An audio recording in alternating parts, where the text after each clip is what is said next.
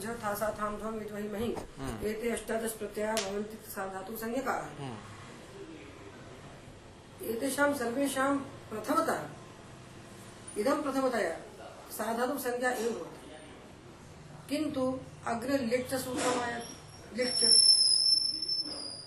तेन लिदादेशानां तिङ् प्रत्ययानाम् आधातु संज्ञा विधीयते। लिट् लकारस्य प्रत्ययः भवन्ति उणल् अतुस् उस् थल् अतुस् अ उणल् व म। तिङ् प्रत्ययानां स्थाने इमे आदेशाः भवन्ति सूत्रं भवति लिट् तर्हि लिट् च सूत्रेण लिदादेशानां तिङाम् आर्धातुक संज्ञा विधीयते। पुनश्च लिंगाशिष इति सूत्रं भवति। तेन सूत्रेण आशीर्लिङ् प्रत्ययानां तिङ् प्रत्ययानाम् आधातुक संज्ञा विधीयते। तर्हि लिट् टकारस्य प्रत्ययाः साधातुक संज्ञका न भवन्ति। लिट् च इत्यनेन सूत्रेण। आशीर्लिङ् लकारस्य प्रत्ययः अपि साधातुक संज्ञका न भवन्ति। आधातुक संज्ञका भवति लिङ्गाशिष इति सूत्रेण तर्हि इदानीं दश लकाराः, दश सन्ति लकाराणां स्थाने आदौ तिङ् प्रत्ययाः भवन्ति। आदौ, इदं प्रथमतया आदौ तिङ् प्रत्ययाः एव भवन्ति। वर्तमाने लट्, तर्हि धातुः अग्रे ल। लट् अकारस्य टकारस्य संज्ञा भवति, धातु ल इति स्थिते। भू ल इति स्थिते। लकारस्य स्थाने इमे प्रत्ययाः आयन्ति धातोः साक्षात् तिप्तस्य प्रत्ययाः कदापि न भवन्ति। साक्षात् कदापि तिप्तस्य प्रत्ययाः न भवन्ति। मतलब तस्मात् इत्युक्ते तस्मात् पूर्वं लकारः भवति। विवक्षायां लकारः पूर्वं लकार प्रत्ययः भवति लकार स्थाने अनुबन्ध कार्ये इति संज्ञा अनुबन्ध कार्ये कृते ल एव शिष्यते। तस्य लकारस्य स्थाने लस् इति सूत्रम् आगच्छति। आरम्भे किम् अस्ति? लट् लट् लट् विवक्षायाम् उदाहरणार्थं। लट् विवक्षायां लट्। आ, आ, अनन्तरं ट इत्यस्य इत्संज्ञलोपश्च हा। ल इति एव शिष्यते अकारस्य टकारस्य संज्ञायां। ल शिष्यते भू लट् एवं इसी प्रकार लिट् भू लिट् कोऽपि लकारो भवेत् तत्र लकारः एव शिष्यते अन्ये वर्णाः लुप्यन्ते अन्येषाम् संज्ञा भवति लट् इत्यस्मिन् टकारस्य इत्संज्ञा अकारस्य अपि अकारस्य अपि हम्म, ल- अस्- अस्- अस्तु तर्हि इति एव अवशिष्यते। एवम् इति। सर् एवं एवं सर्वेषु लकारेषु- ल एव शिष्यते ओ एवं। तर्हि ल एव अस्तु। अस्य स्थाने लस् इति सूत्रेण। त्री फोर् सेवेण्टि सेवेन् सूत्रमस्ति लस्य। अष्टाध्यायी दृष्टम् लस्य सूत्र से सारे लकारों के स्थान में आदौ सर्वे तिङ् प्रत्ययाः आगच्छन्ति। अयं क्रमः वर्तमाने लट् परोक्षे लिट् अनद्यतने लुट् लुच्च अनद्यतने अ- स्वेषु स्वेषु अर्थेषु दशलकाराः आगच्छन्ति। सर्वेषु लकारेषु ल इति एव इत्येव अवशिष्यते शिष्यते इत्येव शिष्यते इति- चेत् कथं भिद्यते कथं भिद्यते। नाम लट् लट् लकारे अवशिष्यते लोट् लकारे अपि त- तर्हि समानमेव। आदौ समानाः न भवन्ति आदौ पृथक् पृथक् भवन्ति। किन्तु इदानीं सर्वे ल तर्हि सर्वेषां स्थाने तिप्तस्य इदानीं भेदः नास्ति। इदानीम् अभेदः यथा ब्रह्म भवति। सर्वे तत्र अभेद अभेदेन स्थिता भवन्ति तथैव ल। अस्य स्थाने तिवादयः आगच्छन्ति। अष्टादश तिवादयः तर्हि कदा कः आगच्छेत्?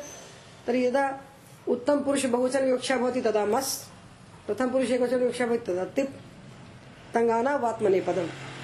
तङ् अतिप्तसि सिप्तस्था में वस्मस्। एतेषां नव प्रत्ययानां परस्मैपदसंज्ञा भवति। ता आतान् झ, था साथां ध्वमित् वहि मङ्गे, तेषां नव प्रत्ययानां, तङ् प्रत्ययानां। तङ्। एतेषाम् आत्मनेपदसंज्ञा भवति। अथ च ये आन् प्रत्ययाः भवन्ति, आन्। आन् के सन्ति? वसु कानच् क्षत्री शानच् शानच्, कानच्। एते आन्, शानच्, कानच्। अत्र आन् इति शिष्यते। अतः शानच्, कानच् प्रत्ययोः अपि आत्मनेपदसंज्ञा भवति। तङ् प्रत्ययानाम्, अथ च आन् प्रत्ययानां तङ्गाना वात्मनेपदम्। ठीक है? लः परस्मैपदम्। आदौ सर्वेषां लकाराणां, लादेशानां ये तिङ्गादेशाः भवन्ति ते सर्वेषाम् अष्टादश प्रत्ययानाम् आदौ परस्मैपदसंज्ञा भवति। अनन्तरं तङ्गाना वात्मने पदमिति बाधकसूत्रम् आगच्छति सर्वेषाम् आद्- आदौ आदौ परस्मै प्रसंगे पाणिनि अयमेव शैली। पाणिनि की यही स्टाइल है। पहले सबको कर्तरी शब्द कह दिया। सबसे कहा जाओ सब धातुओं से शब्द होगा। फिर भेज दिया दिवादिभ्य शंतु दादिभ्य उतना माइनस हो। ये स्टाइल ये स्टाइल है तो पहले का सारे लग जितने लादेश हैं अठारह बेटा कुछ रख लो बैठने के लिए कुर्सी। ये सबका नाम हो गया परस्मय पद फिर भेज दिया तंगाना बातमनी पद बोले भी देखो सबको परस्मय पद करना तंग और आन को छोड़ देना। तंगवान आत्मनि पद हो गया। ठीक है ना? तुमने पीछे बैठ जाओ सामने बैठे पीछे दिखाई पड़ो। अंशुमान, तुम्हें बाधा हो तुम भीतर चले जाओ। अंशुमान? तो अभी बन गए तो लावस्था में कोई भेद नहीं है। सब अभिन्न है। सबके स्थान पर तिप्तस जी गए अभी क्या हुआ? कि अस्मद्युत्तम अस्मद्युत्तम। और कैसे करोगे? जब प्रथम पुरुष की विवक्षा होगी तो तिप्तस जी लगाना। मध्यम की होगी तो सिप्तस्था लगाना, उत्तम की होगी तो मैं बस मत लगाना। ठीक है ना? इसके लिए प्रकरण बता देना योगेश ये हुआ। इसके बाद जब तिप्तस जी आ गए, आठ आठ नौ नौ विभाजित हो गए, नौ परस्मी पर, नौ आत्मनि पर अब इनके स्थान पर पुनः आदेश होंगे। ती है ती को तू बन जाएगा लोट में और ता बन जाएगा लंग तो पहले ला के स्थान पर तिंगादेश हुए। इनका नाम है लादेश। उसके स्थान पर फिर आदेश होंगे। लंग पर लंग के स्थान पर? तिंग तिंग हुए? हम्म, हम्म, तिंग तो इनको लादेश कहते हैं। लादेश। इनके स्थान पर फिर आदेश होंगे। वो भी लादेश कहलाते हैं। उनको लादेशादेश समझ लो। लादेश के स्थान फिर आदेश ये पूरा कार्य करके ये प्रत्यय तैयार हो जाता है। ये प्रत्यय तैयार करने का एक डिपार्टमेंट विभाग है अष्टाध्यायी। अष्टाध्यायी में एक कार्य के लिए एक विभाग होता है।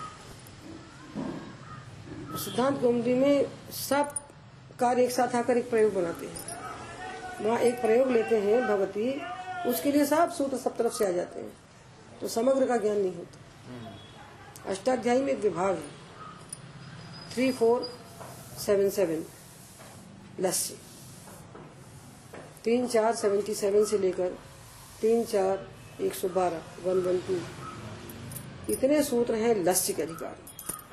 लस्य ये लकार के स्थान पर होने वाले तिंग प्रत्यय तिंग के स्थान पर पुनः परिवर्तन हो, करके आदेश करके ये दस लकार के प्रत्यय बनाते समझ गए? दूसरा विभाग है प्रत्यय बनाने वाला, वो है सेवन वन में सप्तमाध्याय से प्रथम पादे वहाँ एकोन पंचाशत सूत्राणी सन्ति तत्र तत्र एकोन पंचाशत सूत्राणि सन्ति युवोरनायकौ इत्यादारभ्य स्नात्यादयश्च ये उनचास हैं। ये भी, ये लादेश नहीं है, ये प्रत्ययादेश है। ये सब लादेश है। वो प्रत्ययादेश। वो लकार के स्थान पर आदेश नहीं करते, अन्य प्रत्ययों के स्थान पर। प्रत्यय कितने प्रकार के होते हैं? बेटा प्रत्यय लिख दो तुम वहाँ कुर्सी या स्टूल रख लो और तुम वहाँ बैठे लो ताकि हमें नहीं उठना पड़ेगा सब लोग खड़े क्यों रहोगे तीधे स्टूल ले आओ कुर्सी रख लो। बता दो। अभी हमने एक छोटी सी पुस्तक लिखी है दिखाओ अंग वाली पुस्तक, ये देखो। ये छोटी सी पुस्तक मैंने अभी लिखी। अभी ये प्रिंट नहीं हुई है। इसमें देखो, फ़र्स्ट पेज खोलो। ये, धातु दो प्रकार के हैं। औपदेशिक और आतिदेशिक। तो जानते हो ना? भूवादेव धातु। उनसे होने वाले प्रत्यय है उनकी देखिए धातु विहिता प्रत्यय। प्रत्यय दो प्रकार के हैं तिंग और कृत। धातु से लगने वाले प्रत्यय दो प्रकार के हैं। पहले प्रत्यय लिखिए बेटा। प्रत्यय। पहले लिखो।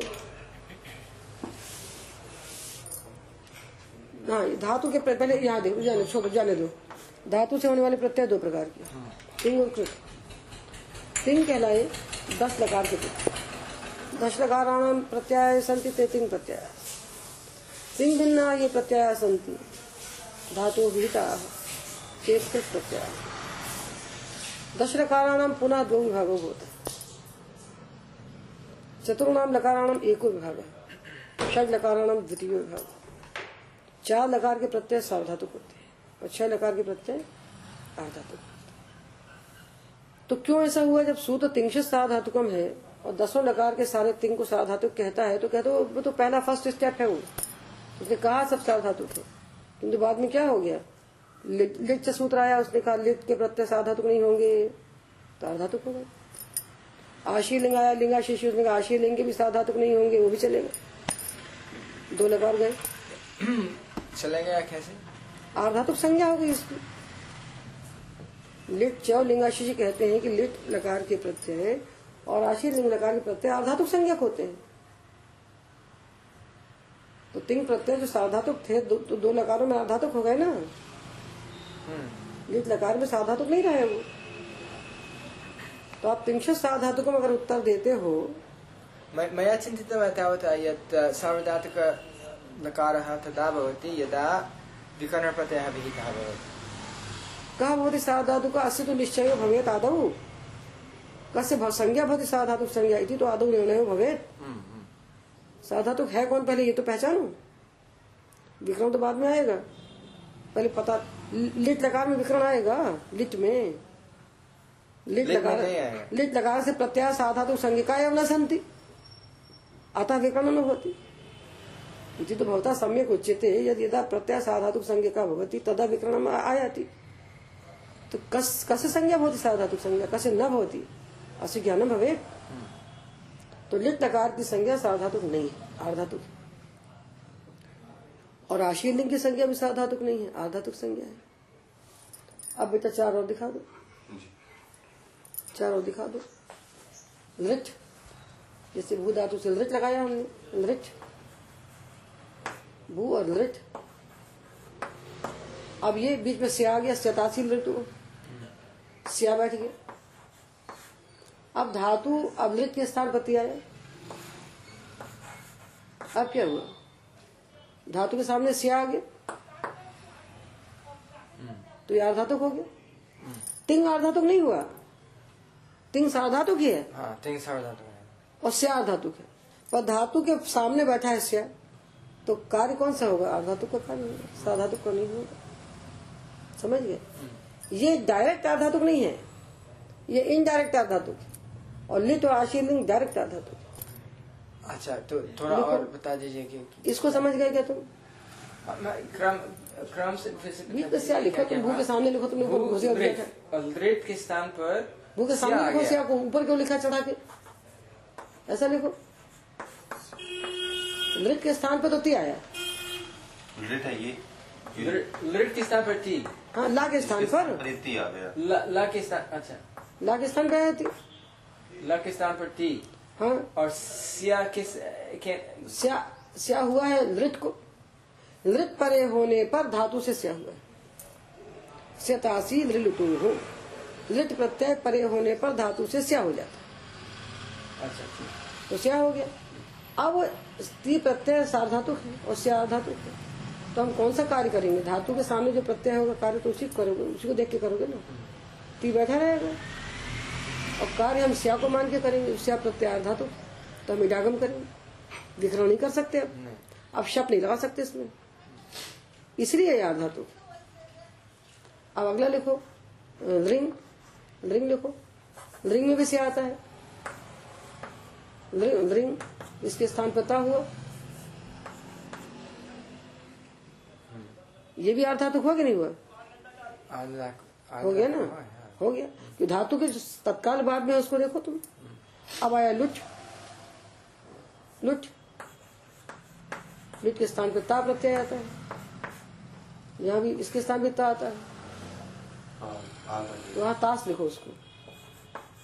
जब लुट होता है तो बीच में ताश बैठ जाता है। ताश भी अर्धातुक है। क्यों है? क्योंकि तीन शित नहीं है। ये। तीन तीन हो गए।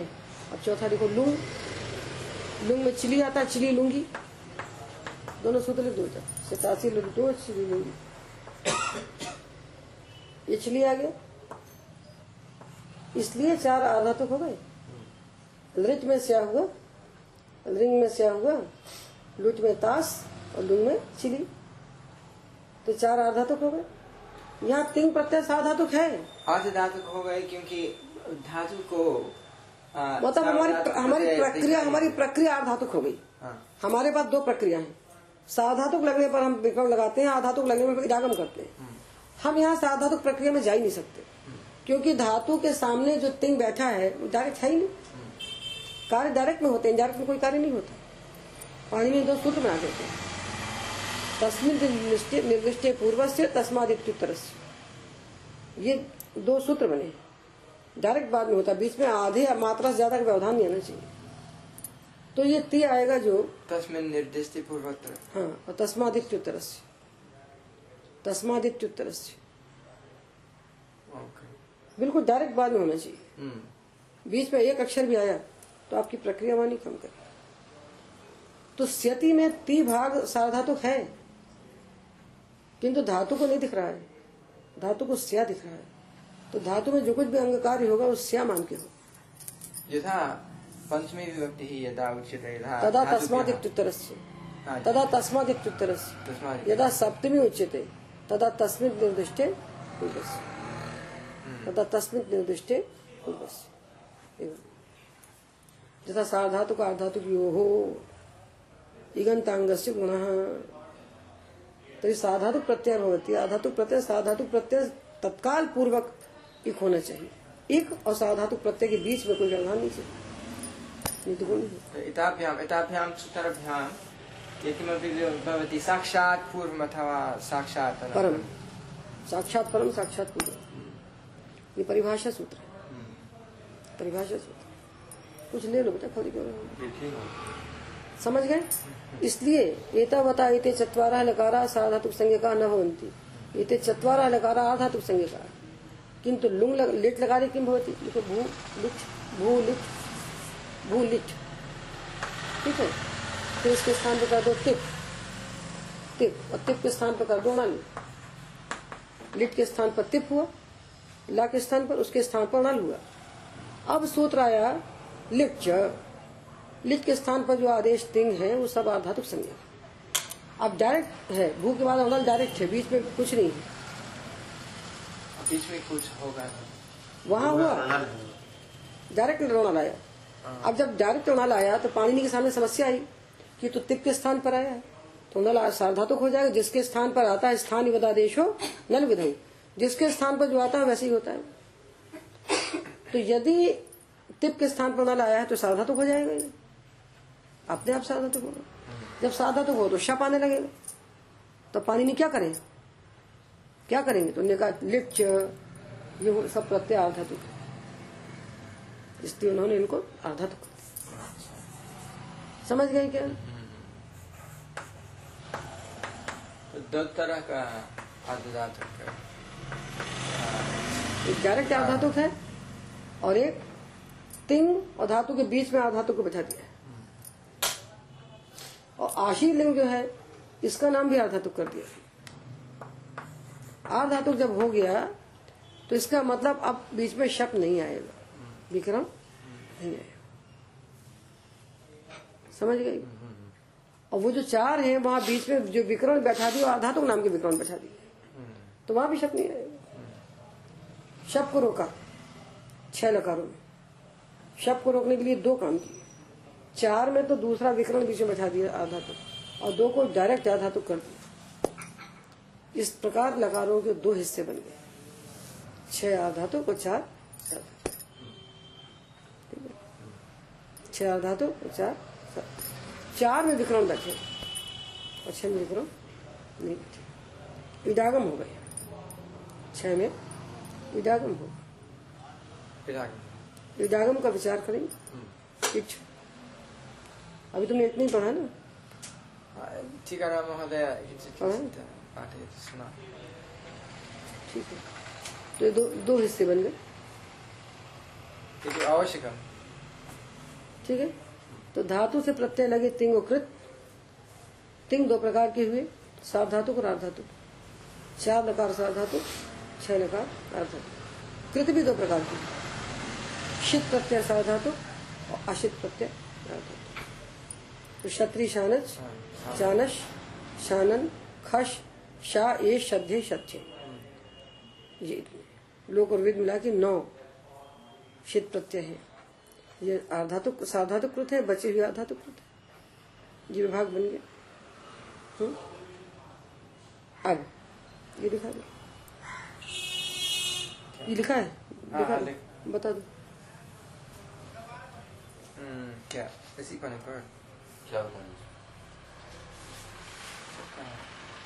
समझ रही समझ में आया? हाँ सभी था इसको इसको इसको आया तो बता बोल के बता और उसको दो प्रकार के होते हैं। कौन से प्रत्यय? त- तिंग प्रत्यय किस कौन से प्रत्यय दो प्रकार के?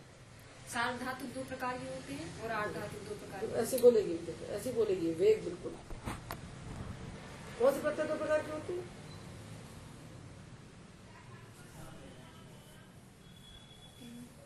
आप कुछ भी बोलोगे सही उत्तर नहीं देगी। वाले प्रत्यय दो प्रकार के। धातु से लगने वाले प्रत्यय दो प्रकार के होते हैं। आप बोलो।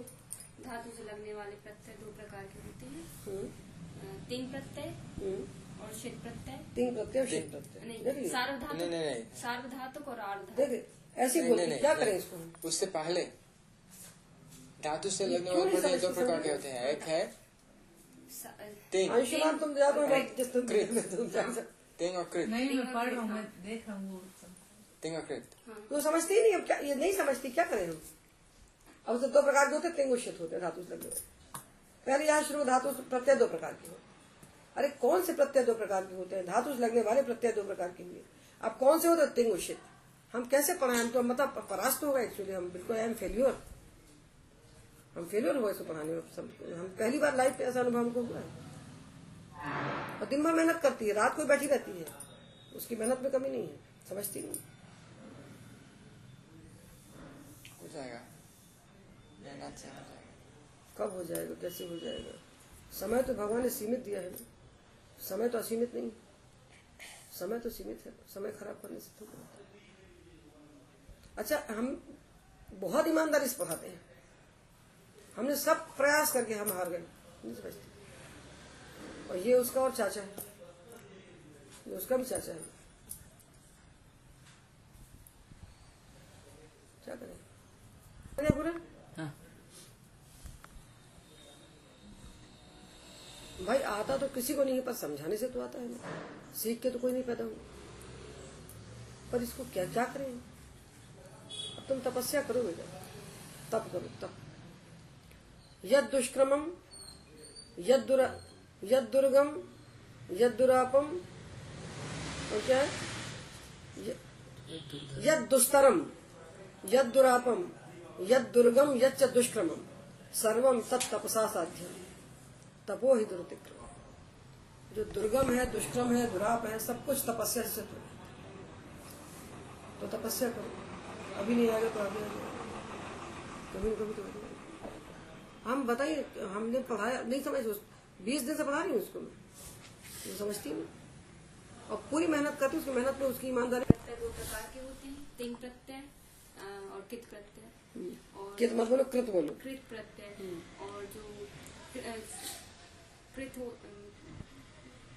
अ, देखिए तिंग प्रत्यय भी दो प्रकार के होते हैं सार्वधातुक और आर्धातुक और कृत प्रत्यय भी दो प्रकार के होते हैं सार्वधातुक और आर्धातुक और सार्वधातुक प्रत्यय दो प्रकार के होते हैं पित्त और अपित अरे तो कौन कौन से होते हैं सार धातु का धातु नाम जो चार लकारों के प्रत्यय। और उनका नाम क्या होता है चार लकारों के प्रत्यय का स- वो क्या कहलाते हैं? सार्वधातुक चार लकार को प्रत्यय धातु होते हैं। और क्षत्रि शानस शित प्रत्यय। ये भी धातु होते हैं। और? और क्यों घंटी बज रही है